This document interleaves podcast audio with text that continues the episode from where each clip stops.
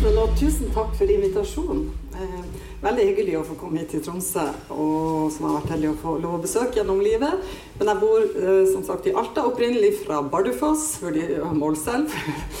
eh, og eh, ja, eh, jeg har eh, jeg har jo også skal jeg si, to ord om min karriere i, i festivalbransjen. Da. Jeg har jobba med Finnmarksløpet siden 19, kjørte Finnmarksløpet i 87, og så jobba jeg med det fra 88 som frivillig, da, som gjennom mange år. Sånn så de fleste eventer starter. At det tar lang tid før det blir et aksjeselskap, eller sånn som, som, som Finnmarksløpet blir etter hvert. da. Eh, og så er jeg heldig å få være leder for noe som heter Nordkalottkvinner mot år 2000. Altså, ute på Magerøya i Honningsvåg. Det var en, en, kvinnefestival der jeg var. Og kunne egentlig ikke noe mye om verken festivaler eller Jeg kunne jo noe om kvinner, jeg var jo kvinne, men jeg, liksom, hvorfor skulle jo alle protestere mot alt mulig? Men det var jo egentlig ikke det det handla om. Det handla jo om å og det var for en nordisk konferanse, eller nordisk festival. da. Så jobbet et helt år med kvinnetema og næringsutvikling, som var veldig spennende på Magerøya. Så, så, jeg har jo fått ei plattform etter hvert. da. Eh, og gjennom de her plattformene, både gjennom 15 år jobbe med reiseliv, men også med, med etter hvert Finnmarksløpet. Så jeg var den første daglig leder i Finnmarksløpet AS. Løpet har jo vært da mange mange år før det, men det at det ble en, en business. Så, eh, og så fant jeg ut etter alle de årene at nei, nå må jeg jo skaffe meg noe kunnskap. Nå går jeg liksom og jobber med masse som jeg egentlig ikke kan godt nok. Så jeg tok en master i reiseliv der jeg selvfølgelig så på hundeløp eh, og eventer. Og så fant jeg ut at nei, det her er jo artig, så jeg tar jo bare en doktorgrad. Siden at det gikk jo greit med den masteren. Men det, den brukte jeg tolv år på, den doktorgraden. For jeg var jo ikke motivert på å være inne i, kontoret, jeg var motivert på å være ute i felt, sånn som jeg alltid syns man skal gjøre. da. Eh, så, men den ble ferdig, og nå er jeg jo her hos dere. Så eh, det som, En av de tingene jeg så gjennom hele de årene med å eh, dykke inn i festivalene, ikke bare hundekjøring, men også andre arrangementer, det var det her med hva er det de eventene setter i gang? Hva gjør de med oss? Hva gjør de med det samfunnet de er en del av? Og det næringslivet som etter hvert noen ganger knytter seg til de arrangementene. Og det er det som ligger litt i det festivaliseringsbegrepet. Ja. Eh, jeg har eh, I denne presentasjonen så har jeg tatt med litt festivaler fra Tromsø. Jeg har vært heldig å få lov gjennom årene å være på noen av de og følge de. Og siden jeg jobber på universitet, så har vi hatt mange fine gjesteforelesere også i klasserommet gjennom årene. og Bl.a. fra TIFF og Bindalsøen Maraton og mange av de her. da. Så, eh, men det som jeg syns er spennende spesielt med Jeg må kanskje ta på meg brillene, jeg har litt mindre skjerm enn dere. Med Tifta, eh, som starta i 1991, er jo at de starta jo nettopp i eh, januar, når det da, i 91, eh, fantes ikke mange turister som vandra rundt i de gatene som de gjør i Tromsø i dag. Da var det stille i, i januar. Så TIFF var vel en av de årsakene sånn som iallfall jeg skjønte, var jo at nettopp hva kan vi skape i ei mørketid der vi trenger noe, vi som bor her. Og også at man kunne tiltrekke seg folk til å komme til, til Tromsø. Særlig hotellene sto ganske tomme i, januar i, på den tida. Um, og det vet dere jo alle at det har jo TIFF på et vis lykkes med, da, så jeg skal gå litt videre her. Uh, og um, Eh, det som man ser også som er typisk for eh, eventene, er jo at de, de skaper jo en synlig arena som, som, bringer temaer opp i dager som vi kanskje ikke går og tenker på i hverdagen. Så, eh, og her er jo et eksempel på La elva leve, filmen som, som vant vel òg publikumsprisen under filmfestivalen. Og, og, og, det er jo nettopp de Eh, de virkningene en sånn type festival får, at, at du, du, får løfta det opp og man får, får vist det til stort publikum og i et stort mangfold av filmer. Det som også skjer i denne eh, festivaliseringa, eller der man ser eh, festivalene utvikle seg, det er jo sånn som også det å ha utendørs filmvisning for barn. Det at man bruker helt nye altså arenaer eller venues for, for å vise det. Og for alle oss som bor her i nord, så vet vi jo hva det vil si å, å sitte ute kontra å sitte inne i et rom. Det, det er det mer som virker på oss. Det, det, det, det er det været, naturen, det er de menneskene som er der. Vi sjøl har andre klær. Alt det påvirker de opplevelsene vi får. Um, jeg var heldig å få være i, i forbindelse med doktorgraden ett år i Australia, i Perth. Og, og, der er det jo litt annen en sånn utendørstemperatur enn her, da. Men noe av det fineste jeg var på der, var nettopp utendørsfilm. Da fikk du liksom vin, du satt på sånne store puffer, og du hadde den nydelige stjernehimmelen og et svært lerret. Litt varmere, så, så, men, men, samtidig så, så syns jeg også her, nettopp vi kan kle oss og sånn, så det, at, det at vi er ute og ser film, gjør, gjør noe med oss. Så ja, en utvikling eh, fra den tradisjonelle kinosalen. Eh, og eh, det som også skjer ofte når man utvikler, det er jo nettopp det her med, sånn som TIFF også sier, TIFF hele året. Du får ikke bare en festival som var tidligere i januar, men du får mange smådrypp eh, gjennom hele året. Mest av alt så blir jo det litt hyggelig for de som bor i samfunnet, men det aller viktigste er at i det øyeblikket en sånn event sånn som TIFF da begynner å vokse, så må den liksom enten tjene mer penger på noe, eller så kanskje lever den ikke mer. Så, så denne balansepunktet for, for, hvordan skal en event, da må du begynne å tenke på hva mer, hvordan kan jeg gjøre det her for å, å, å utvikle videre. Du bruker jeg jo til som eksempel, men det gjelder jo for, for mange. Jeg har også en liten opp, opp, opp, opplisting av, eh, av, det her med hva er nå festivalisering, da? Noen begreper på det. Og det er liksom det at nye festivaler eller eventer de starter opp. Flere arrangementer kaller seg festivaler. Altså Folk som før hadde kanskje en hyggelig fest i hagen, plutselig så heter det da en festival. Eh, festivalen utvider seg i tid og rom og arrangementssteder. Eh, festivalen arrangerer flere festivaler gjennom året og årene. Altså det er noe som blir forutsigbart gjennom noe som er viktig for hvis vi skal gå på dem. Festivalene innvirker på lokal utvikling, branding, skaper økt oppmerksomhet. Eh, og Festivalisering av media, store mediateam i festivalene og økt dekning gjennom media.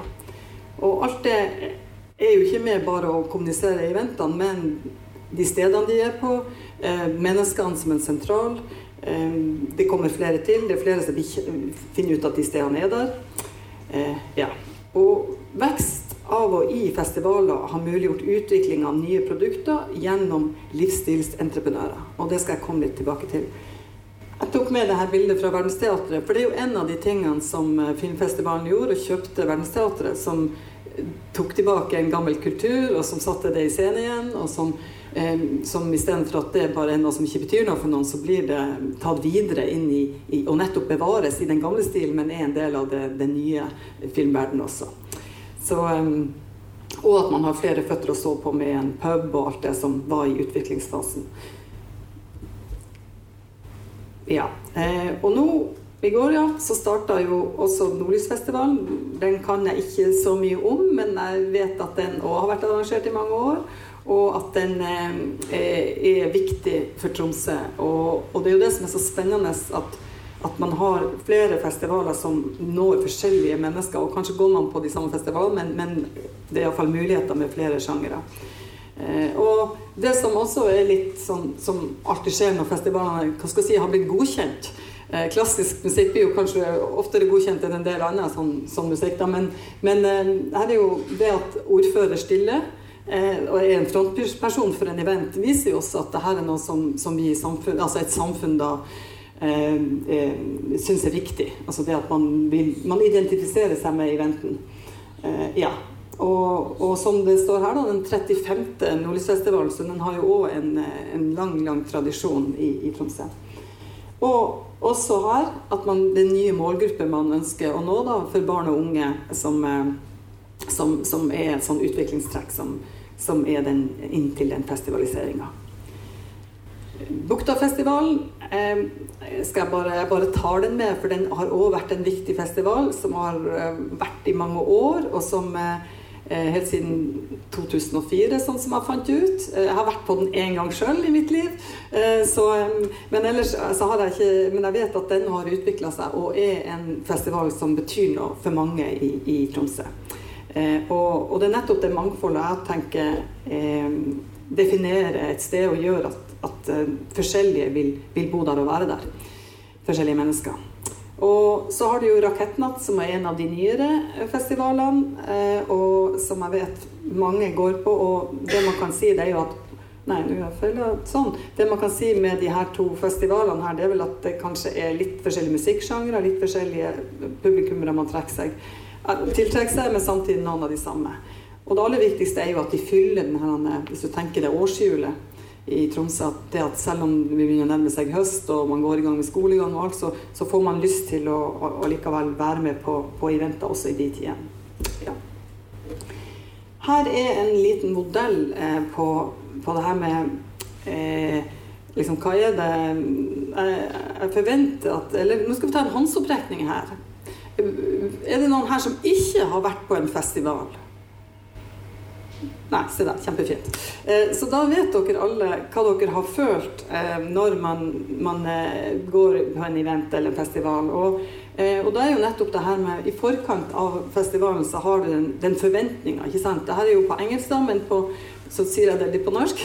Eh, det her med at vi har eh, et, motiv, vi, har, eh, vi, skal kanskje treffe noen vi kjenner, vi har planlagt det, vi har vært på festivalen før, vi har forventninger, vi skal ut av det tradisjonelle jobblivet, hverdagen, og vi vet at vi skal inn i en, i en festivaltid, som man kaller det.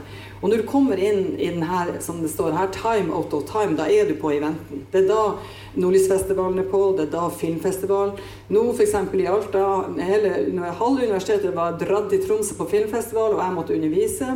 Eh, og, og, da liksom kjente jeg nei, jeg vil være der, jeg vil være der. For da handler det jo ikke bare om filmene, dem kan jeg jo se selvfølgelig litt senere, sånn. men det handler jo om alle de menneskene som skulle hit og kose seg og ta et glass rødvin og, og, være i den her time out of time. For er, du må være der for å få den med deg, og det er jo det fine med, med de.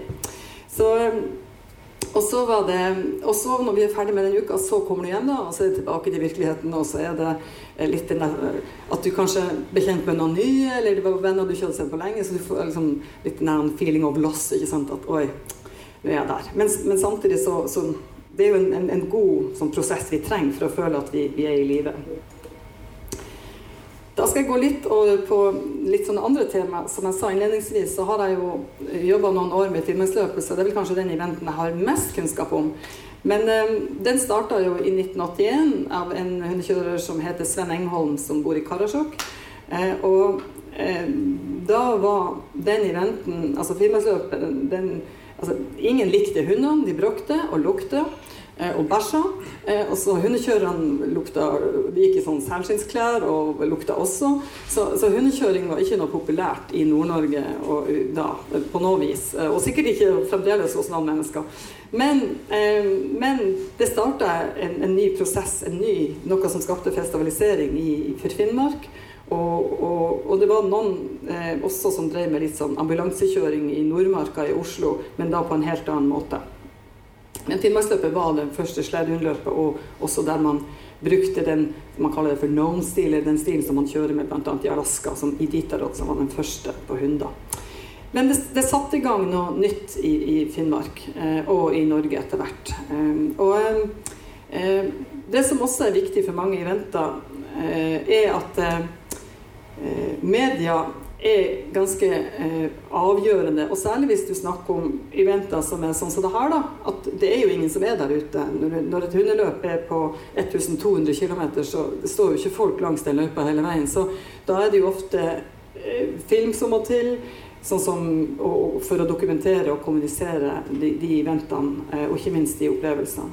Så media har en viktig rolle både for å, å, å vise oss hva som skjer, men eh, også eh, det her med å bli synliggjort. Det finnes jo veldig mange festivaler og sånne idrettsarrangementer sånn som aldri blir synlige, for det er jo ingen som kanskje tar bilde av det filmet. Og en av de tingene som må til for å drifte en event på en god måte, er at vi har penger. Så f.eks. nå så filmer jo NRK én time program seks ganger i løpet av Finnmarksløpet. Og vi kan selv tenke oss hva ville gjort med en event hvis får Hvis jeg sier til deg du får eh, seks programmer på NRK den uka som kommer nå, det varer i én time, og det er om din event. Da, betyr, da er det noe som skjer i, i, i den økonomiske plattformen for at noen sier at jeg vil være med neste år også. Og det er jo flere og flere arrangementer i Norge. Nå snakker jeg litt om det her akkurat som det er noe sjeldent i nord, da. men i nord er det mer sjelden, tenker jeg, eh, enn det er eh, rundt Oslo, og der man har større eventer enn vi kanskje har hatt her, da.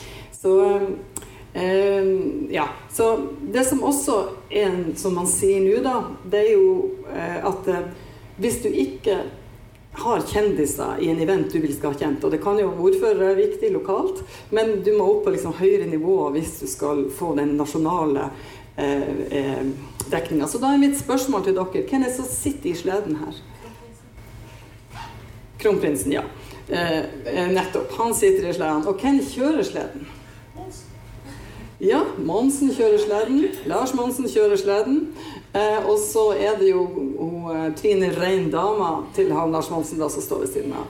Og det er helt klart at Når kronprinsen sitter inni sleden og får være med på en, på en første trasé opp til Sorisniva da med, med Lars Monsen, så, så, står det da veldig mange journalister eh, og både tar bilder, og det nasjonale eh, ja, ikke sant, som gjør det. Og, og, og det er en, en måte å, eh, å, å synliggjøre på, på, en helt annen måte enn Finnmarksløpet er i stand til å betale for. De kan aldri Og det vet vi jo at det er jo den der altså den, den oppmerksomheten du har kjøpt betalt sjøl, den, den, den, får ikke samme eh, si, tillit som eh, når vi annonserer kontra en sånn type kommunikasjon. Ja, så det, det har vært eh, Så der er det en sånn skikkelig sånn krevende situasjon. Og du ser jo her Sparebank1 Nord-Norge er jo generalsponsor for Finnmarksløpet. Og de er jo nettopp det, for de vet at det kommer seks programmer på NRK med Finnmarksløpet. Eh, eh, og det er jo mange eventer som har noe av det samme som vi kan komme inn på senere. Um, skal vi se. Ja, og så er det det med, med hva, hva kan arrangementene skape? De kan skape nye turister. Ofte så, De aller fleste hvis jeg bare holder meg litt til Finnmarksløpet, så har de ca. 650 frivillige som, kan, som, jobber med løpet. Uh, og alle de her jo, bor jo ikke i Alta de, eller i Finnmark. De, de reiser til. Uh, det er veldig mye folkehøyskoler, det er folk som er andre plasser som, som kom, kommer inn. Men også det er jo en fra England, en mann han er ja, godt opp i 60-årene. Han har jobba i hvert fall ti år som frivillig. Han tar vinterferie fra, eller ferie da, eh, fra, fra, England for å komme opp og jobbe frivillig.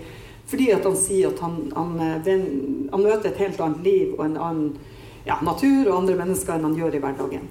Så, så, de frivillige har veldig mange forskjellige bakgrunner, eh, men de er attrahert mye av, av naturen og, og av det mest av alt det fellesskapet du finner med, med, med natur, dyr og, og mennesker, som, som, et sånt type event eh, tilbyr. Og da må det jo sies at alle eventer har jo sin kjerneaktivitet. Så nå bruker jeg eksempler fra det jeg kjenner mest til sjøl. Så jeg vet jo at dere andre har også masse eventer dere sikkert har vært på, og da, da har man en ja, tilknytning til det. Ja. Og så er det ny kunnskap utvikles mellom turister og lokale. De frivillige som kommer, eller, som er da på et vis turister, de, de har jo en, en, ny kunnskap de kommer inn med og gir nye blikk. Vi, man blir jo ofte litt heimeblind både i Tromsø og på Finnmarksvidda. Så vi trenger noen som kommer inn som både har kunnskapen og også ser på nye ideer. Ja, og nye møteplasser med, med synlighet av sted. Um, ny, nytt blikk på Utkant-Norge. Det at, at det er eh, seks programmer eh, på, fra Finnmarksløpet på NRK eh, i god sendetid, gjør jo noe med å sette Finnmark på kartet, og Nord-Norge. Eh, som, som, betyr ikke noe bare for de som er litt interessert i hund, betyr jo noe for å si at det skjer ting som er også er ok i nord. Um, ja, og ny kommunikasjon som normalt ikke blir kommunisert til seg, og omdømmebygging gjennom sosiale medier. En slags fortjent markedsføring, som vi kaller det. Ehm, og den, den, er utrolig viktig. Og det ser man jo òg nettopp gjennom de, de, sendingene. Og det var jo ei dame som sa Hun, satt, hun hadde hund ved siden av seg, hun bodde litt utenfor Oslo, og satt og strikka, hadde hunder, og så så hun på et program, og så tenkte hun Nei, dit skal jeg. Så hun bare sa, søkte seg opp, og hun var da eh, sånn frivillig på sjekkpunkt Karasjok. Og hun var jo i 50-årene, og, og, liksom, og, det er jo sånn imponerende at du, du sitter og strikker, og, du, og, så, liksom, og jeg snakka jo litt med henne sånn uformelt, for jeg jobba litt på, på sjekkpunktet der da, og da, da sa hun at uh, så sier jeg hva som gjorde at du fikk reise opp. Nei, jeg er jo veldig glad i hund. Jeg har jo hunden min. Så det, det, jeg ville liksom dra opp og, og, være en del av det. Og hun kom jo flere ganger. Hun kjørte opp, og så tok hun Hurtigruta med med bil. Så, så, så fikk jeg liksom reise også. Og ja, hadde muligheten til det. Så det er mange innfallsvinkler. Her er, eh, går jeg litt over på reiseliv eh, og turisme. Eh, jeg vet jo at dere her i Tromsø har jo jeg vil tro dere har rekordsesong i år da, på turister som fyller gaten, og, og særlig de hundeslede bedriftene som er her i Tromsø-regionen, de, de, har eh, hatt en fin sesong, og også i fjor delvis. Så eh, jeg tok bare med litt av eh, de bedriftene sånn som, som har bygd seg opp. Og da, da, er vi inne på det her med festivaliseringa. For det, det, jeg mener med det, er ikke bare det som skjer i eventen, men det er også det som skjer rundt eventene. Hva er det den setter i gang i de samfunnene de er en del av? Altså hvordan, Hva er det de starter å utvikle? Og sånn som Trasti og Trine oppe til venstre, som kanskje noen av dere har vært på, det er eh, han Jonny Trasti er en veldig kåret et år til Norges beste eh, kokk.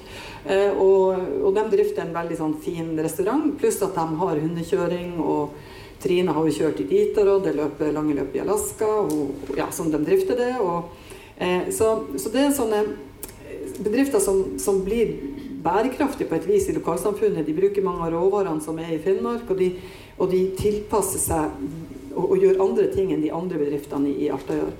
Du har også sånn som det bildet nede til der det står Engholm Husky, Design Lodge. Han også eh, etter at han hadde vunnet Finnmarksløpet tolv år på rad, så slutta han å kjøre Finnmarksløpet, for han fant ut at de andre måtte få slippe til å, å vinne også. Så han, eh, da begynte han mer med, med, med turistvirksomhet med gjester, pluss at han har bygd eh, hele den lodgen sin eh, nærmest sjøl. Altså alt er sånn håndverk med Så mange velger å bo der nettopp bare for å få en helt annen, annen opplevelse. Og, og, ja.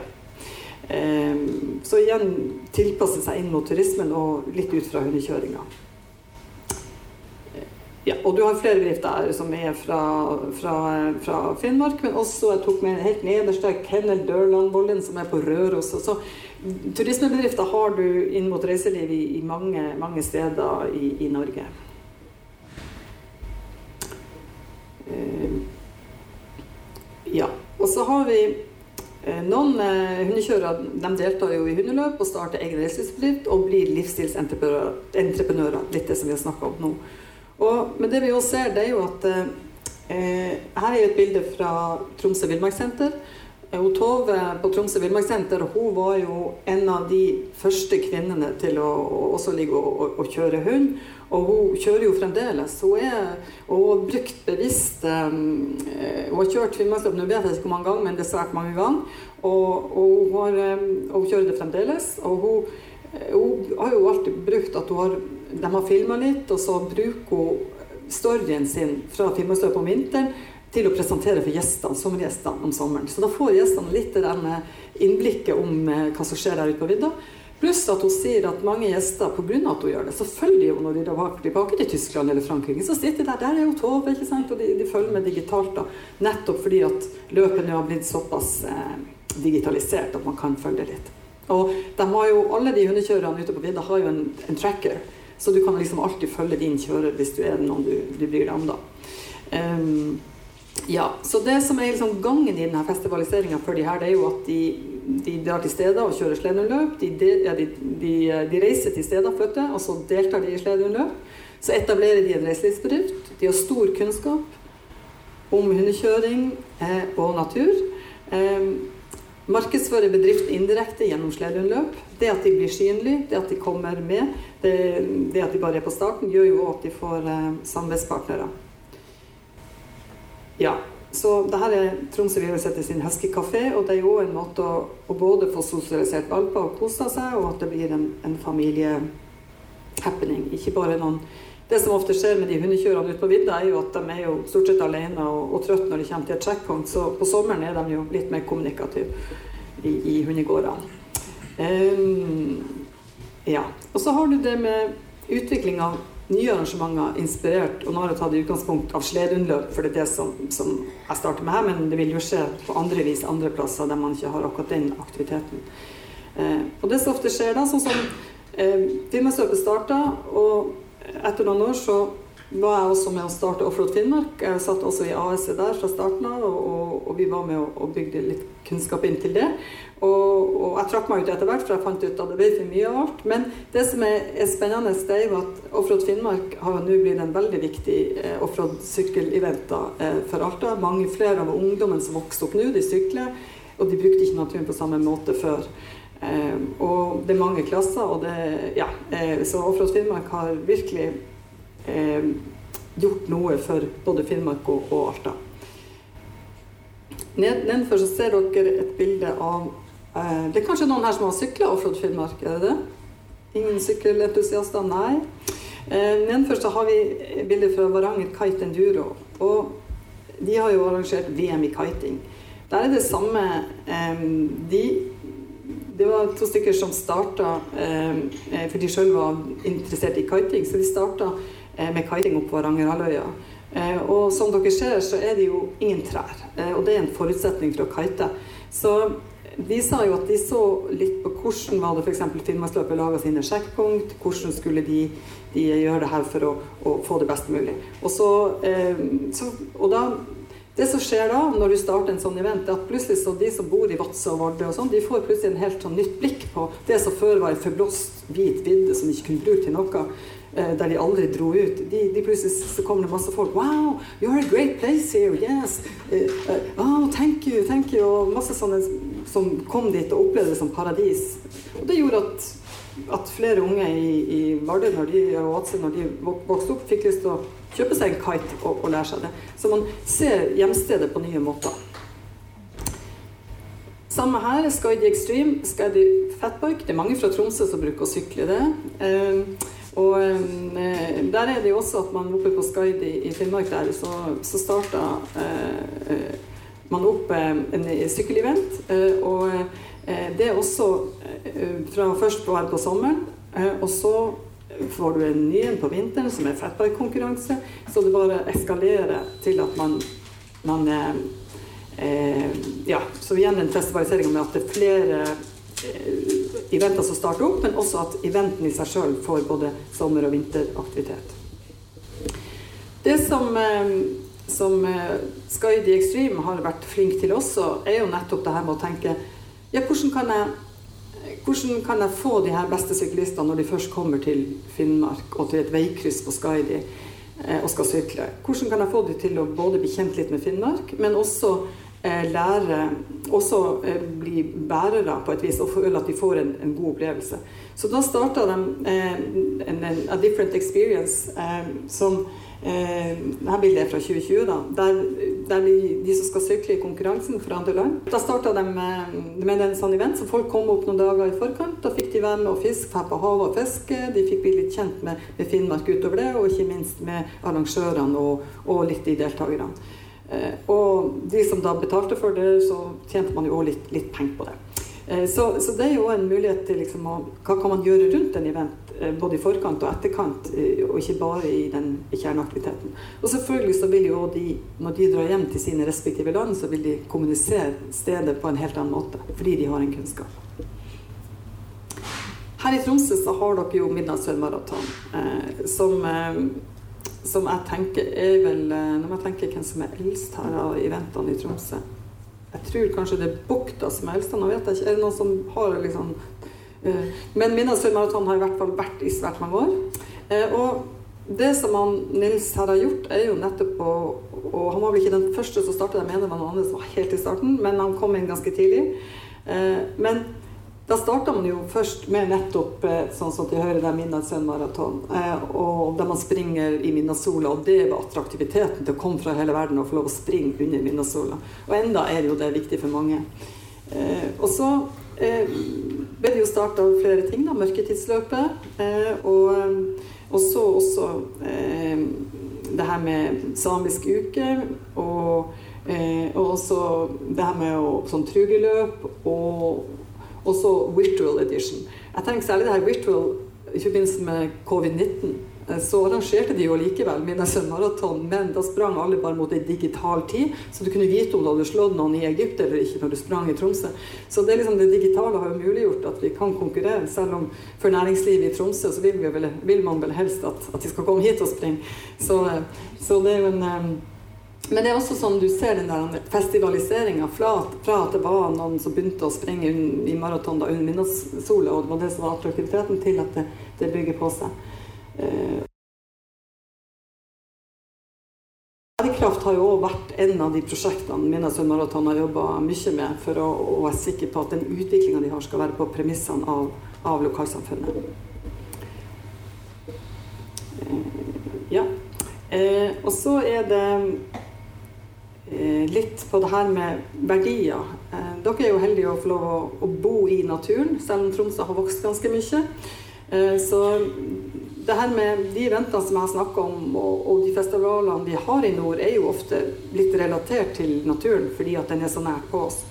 Og da er det jo mye av det her som, som kjennetegner hva det gjør med oss, er jo sjarmen med det ukjente, den, den, arktiske attraktiviteten. Altså det er risk but safe. Så vi, vi, vi går inn i den, men, men men um, også det dragninga til å ikke ha kontroll hele tida. I det øyeblikk vi beveger oss litt ut i naturen, du vet ikke helt hvordan været blir den dagen, vet, det er mange faktorer. Og det, så lenge vi føler oss trygge, eh, så, så, er det noe vi verdsetter. Vi er fjerna fra den velutvikla verden mens den fremdeles er i den. Vi vet at, at vi har Eh, at vi har ikke langt til en vei eller der vi parkerte bilen og sånn, men, eh, men, men, vi er i, i liksom den, den, verden, eh, også i naturen. Ja. Og så er det fravær av lys og lydforurensning. Eh, det er jo litt sånn som, som noen av de her, særlig utenlandske eh, frivillige til Finnmarksløpet, når de har kommet og de står, står f.eks. langt inne på Finnmarksvidda, og når du har en sånn event som går 24-7 hele døgnet, så må du være også oppe om natta. Så noen har jo nattskifte. Men det å stå liksom om natta når det er helt mørkt, og så ser du plutselig så tenker Oi, var det et fjell der i går? Så begynner liksom horisonten å komme. Da kommer fjellet, for da kommer morgenlyset. ikke sant? Så først tenker du hva som kommer på himmelen? Er det en sky? Nei, det er et fjell! Ja, var det der i går? Så, så, denne, så tenkte jeg liksom, Sjøl har jeg stått der. Jeg liksom bodd i nord mesteparten av livet mitt. Og så når jeg sjøl blir liksom humble ville vært på engelsk. altså Jeg ville liksom ydmyk. fordi at, at liksom, Så tenkte jeg ja, men jeg har jo aldri gått ut i hverdagen min og stilt meg ute og venta på at, jeg skulle, at liksom den morgenen skulle komme og at fjellene skulle bli synlige.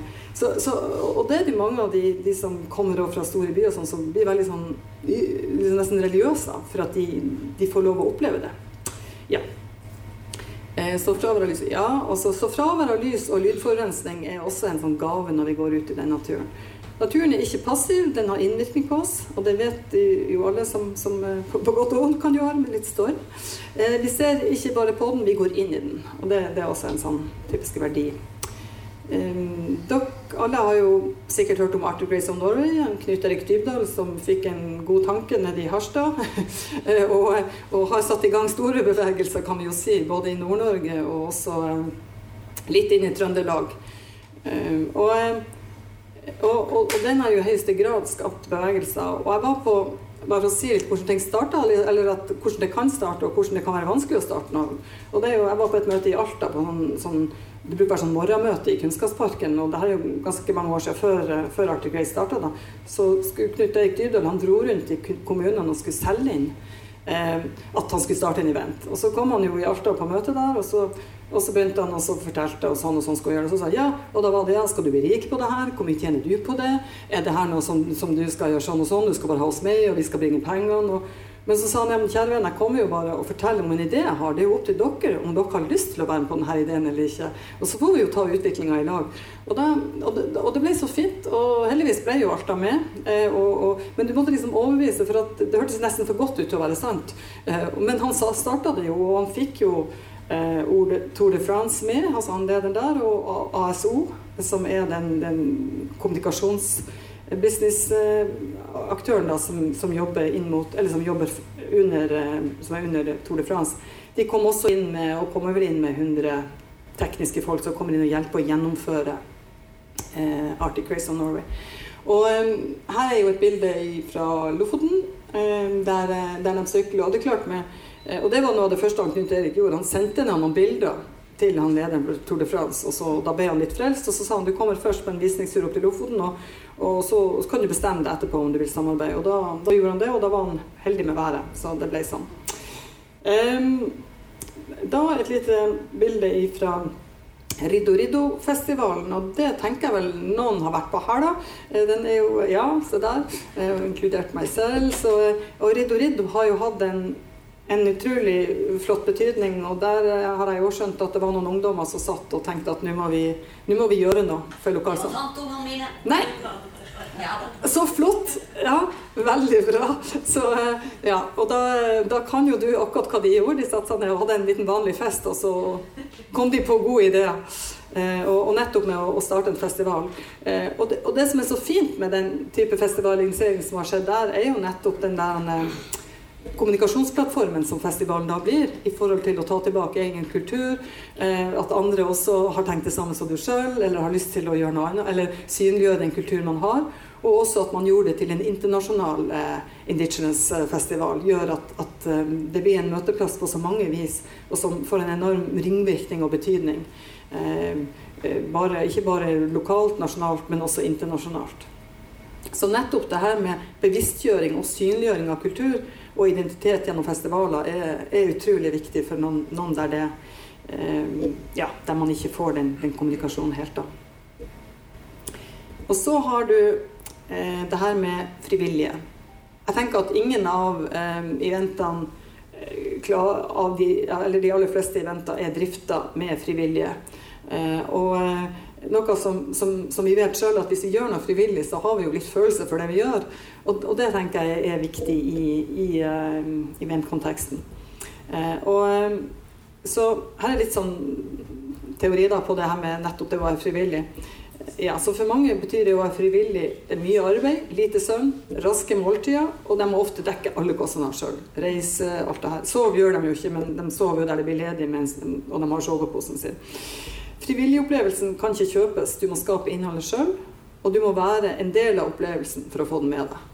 Eh, så det å faktisk gå inn i det. Og Finnmarksløpet har ca. fire ansatte. Har gått under løpet så ansetter litt flere, da, og ca. 600 frivillige. Og Eh, det er på et vis eh, Du har den feriereisen der du har all inclusive, men det som er en garanti når du drar som frivillig, det er at du har zero inclusive. Du må egentlig skape alt sjøl. Du må bli kjent med de nye menneskene, du må finne ut hvor det er ledig seng eller madrass. Du må, du må lære deg å lede hundespann hvis det er på hundeløp du er, eller hvis du er på en annen festival, så må du bli kjent og lære reglene der. Eh, og ja, og så er det det her at det må være villa. Altså du, det er liksom fra innenfra.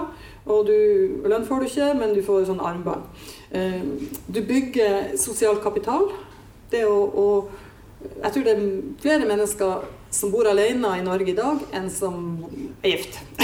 Ganske mange flere som er alene enn som er gift. Eh, så kanskje ikke gift er målstokken, da, men som, enn som bor sammen med noen. da. Eh, og, og, det er nettopp det her med den gode viljen ikke sant, til å si at jeg vil inn og bidra, for jeg har en, en interesse i det her fellesskapet, det å bli kjent med nye folk, sympatien og samarbeidet som, som gjør noe med oss og betyr noe. Og så har du det her med eh, humankapitalen da igjen. Personlige ressurser. Mange studenter ser jeg bruker at de har jobba frivillig på de forskjellige eventer da, i sin CV. Eh, særlig hvis de har hatt litt ledende roller og sånn, og, og, at det er frivillig. Ja. Og så er de jo markedsførere, omdømmebyggere og sånn da, i, i det her. Um, Altså det frivillige i samfunnsbygginga. Eh, det er jo det at Frivillige starter jo ofte festivaler. Eh, de, de, ofte så driftes jo i masse år før man liksom finner ut at eh, overlever vi, så må vi, eller skal vi overleve, så må vi inn på å tenke mer kommersielt. Man skaper, de frivillige skaper innholdet. er ofte hovedarbeidskraften under gjennomføringa, og, og frivillig engasjement skaper tilhørigheten til lokalsamfunnet. Nye frivillige de gir og får nye verdier til festivaler. Det at de kommer nye inn, særlig kanskje fra andre land. og sånn opparbeider seg nye kunnskaper, bygger nye nettverk og integrerer nyinnflyttere. Festivaler så ser jeg f.eks. Det er sikkert det samme med Tromsø, som har et universitet her, og det samme har vi i Alta. Eh, der vi ser at studentene ofte er veldig glad for å delta på Alta Live, f.eks. For, for at da møter de de gamle studentene, og, og de blir en del av også lokalsamfunnet. Ja, og da er det bare å si eh, takk for meg. Og er det spørsmål?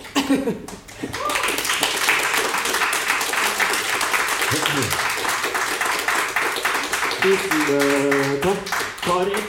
Hvis det er noen som vil dele, stille spørsmål eller dele en kommentar eller betraktning, så er det vær så god for det, altså. Ja. Eh, eh, eh, litt sånn gjennomgående her, jeg lurer på, i, i forskninga di, litt gjennomgående så eh, kombinerer Du snakker både om idrettsarrangement og festivaler som festivaler. Mm. Eh, mens definisjonen på en festival er jo kulturarrangement. Form av film, teater, musikk, eh, eh dans. Mens eh, i hvert fall i musikkbransjen som jeg kommer fra, så ser vi på idrettsarrangement som idrettsarrangement, og ikke som en festival. Har du valgt å, slå dem sammen, eller med festivalisering mener du at idrettsarrangementene eh, nærmer seg begrepet festival sånn som de drives? Ja. Et, et, et, kjempegodt spørsmål. Jeg skal bare gå tilbake til den ene sliden som jeg ser nå. Tusen takk for spørsmålet. Du kom meg på noe som jeg ikke sa. Så da skal jeg forklare deg ut fra den sliden. Der var den, vet du. Hvis du ser på det her, eh, hvis du ser på den her, da. Finnmarksløpet Sida. Eh, Finnmarksløpet er jo et hundeløp, eh, og det er jo under Norges idrettsforbund. Så det er jo helt klart det du snakker om, ikke sant?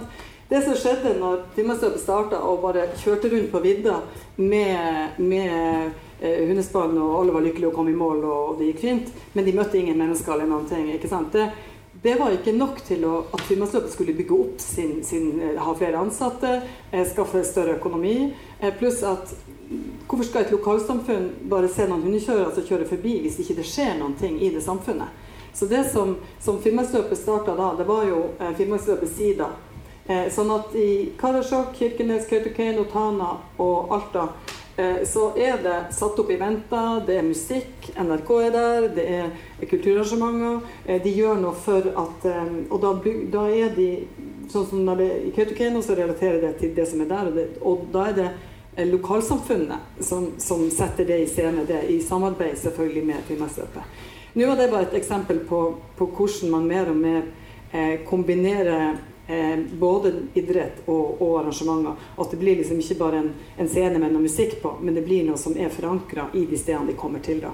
Eh, men, eh, men, samtidig så er jeg jo enig med deg i det du sier. da, eller ikke enig med deg, enig, Jo, jeg er enig med deg du sier, men det at, at, det er jo forskjellige eh, altså Eventer er jo ikke en event. Det er jo også Hvis du har et, et fødselsdagsselskap, så er det jo en event. Eh, og, eh, så, så, det er masse kategorier hvis du tar den eventparaplyen under der. da. Og da har du helt klart eh, veldig mange eh, altså greiner fra musikkfestivaler til dans, til teater til altså Du har mange eventer som, som er under. Så jeg vet ikke om det er noe, noe oppklarende. Men mer og mer så, så får man litt eh, grenseoppganger inn til dem, sånn som, sånn som jeg tenker det. At man kan ha flere under At det skjer flere ting, da. Eh, under samme paraplyen og i samme tidsrom. Eh, fordi at man Ja, kanskje ofte for at eventen sjøl skal stå sterkere. At man klarer seg ikke helt med et smalt marked. Og særlig der vi bor, da, i det rurale, der vi ikke er så mange, så må vi på et vis kanskje rigge på en litt annen måte enn en, ja. Sånn, det, jeg vet ikke om det var Ja. Jeg har et spørsmål som kanskje går litt på publikumsutvikling, eller den, den, opplevelsesøkonomien og det vi ser at vi på en måte identifiserer oss sjøl gjennom det vi tar på, og at det dukker opp så mye arrangementer overalt. Er det noe i forskninga di, har du sett noe på det med kannibalisering? Altså når blir vi metta? Får vi nok? Vi er ikke så mange i nord.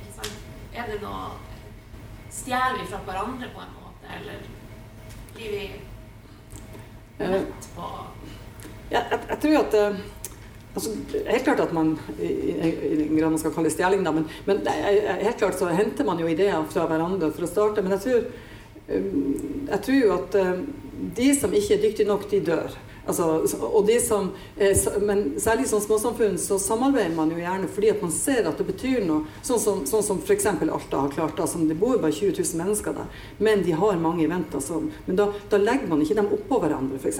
Ikke sant? Eh, og det at, han, eh, at, at man Sånn som Offroad Finnmark, alle de her eventene samarbeider jo fordi at Og det er jo mange av folkene som er de samme frivillige inn, inn i eventene.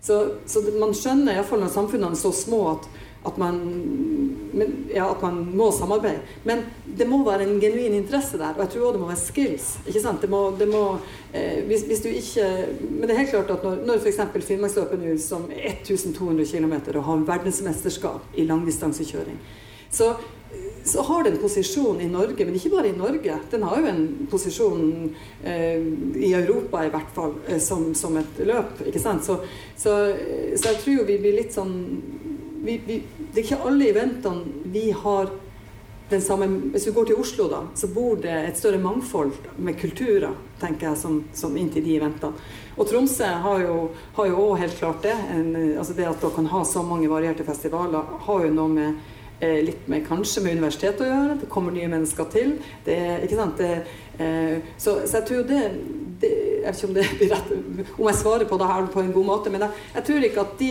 de festivalene eller arrangementene som, som ikke er forankra i det stedet de er, eller som, der det bor iallfall så få mennesker som det gjør i nord, så, så lever ikke de. Altså, da har du en privatfest, og det er jo, det er også Altså, det trenger ikke være så mange folk for at en venn skal være fin. da. Jeg tror Særlig Lofoten har jo vært, hatt flere. De hadde kunst, de hadde dans, de hadde mange sånne som blir mer nisjeprega. Um, uh, ja, fikk du svar, eller? Jeg vet ikke. Eller? Ja, jeg vet ikke helt. Jeg tenkte mer på publikum, om vi ikke stjeler fra hverandre ideer og sånn, men publikumsutviklingsmessig, om, om, om, du ser noen tegn til at publikum eh, ja, eh, deltar på færre ting. For spesielt etter covid for eksempel, så har det jo vært en utfordring for veldig mange mm. både arrangører, festivaler og idrett. Og jeg er ikke så kjent med idrett, da, men i hvert fall i kulturlivet, da, at det er vanskelig å rekruttere både frivillige og publikummere. Og om vi da har, har vi for mye til antall folk. Ja. Ja, nei, det, Akkurat det du sier, er jo helt klart helt, helt sant. Ja, det tok jeg jo overhodet ikke, men nå snakker jeg kanskje litt om virkeligheten før den covid-en var. Eh, så, så eh, veldig mange har jo måttet restarte litt. Eh, og det ser vi jo f.eks. i Alta på studentmiljøet. ikke sant, det her med å ikke sant, Fra at liksom studenthuset bare ble stoppa, alt det her med å ta tilbake. For, eh, i, og student både Tromsø og Alta, der er jo universitetet viktig eh, som en sånn motor i så små samfunn. Eh, og, og, når, og, når, du da ikke plutselig slutter å sånn som de, Du blir jo ikke frivillig f.eks. når du ikke får lov å være sammen med noen. Så i to år så fikk man jo ikke lov å, å møte noen, og det, det, virker nok inn på eh, Og nå tar jeg de som eksempel, men det virker jo helt sikkert sånn i de mindre eller de andre samfunnene som ikke har universiteter. Eh, og, det, og, og, nå først da ser jeg f.eks. i Alta at det begynner å ta seg opp igjen. Men, eh, men jeg føler at, eh, at for iallfall de festivalene som jeg kjenner litt til sånn, sånn, nå er det Jeg har jo mest vært i, i Alta da, i, i, i festivalverden nå etter, etter covid, og, og, og, sett litt på i Finnmark òg, men da vet jeg at alle var desperat på å få festivalen opp igjen. Fordi at de savner dem jo, de, de, må få det til, uansett hvor mange som kommer eller ikke. Så, så jeg tror, tror, liksom at når man skjønte at nå får vi lov å bevege oss videre, så, så har mange fighta veldig for å, å gjenskape. Men, men, det tar tid. Og særlig tenker jeg der, det, der du ikke er direkte inn i noe. Og det er jo litt med de studentene våre. når De, de som kom nye og aldri ble sosialisert inn i noen ting. De, de, de sleit litt alene på hybelen. Og, og, og, og, Tromsø er vel litt òg avhengig av de, tenker jeg, i, i det, det store mangfoldet. Ok. Um, ja, tida er der. Og uh, igjen, tusen, tusen takk. Takk for at dere har tatt turen. Lørdagsuniversitetet kan dere følge på nettsida ut.no slash Nordagsuniversitetet. Facebook Lørdagsuniversitetet. Og igjen stor applaus til Kari Jæger.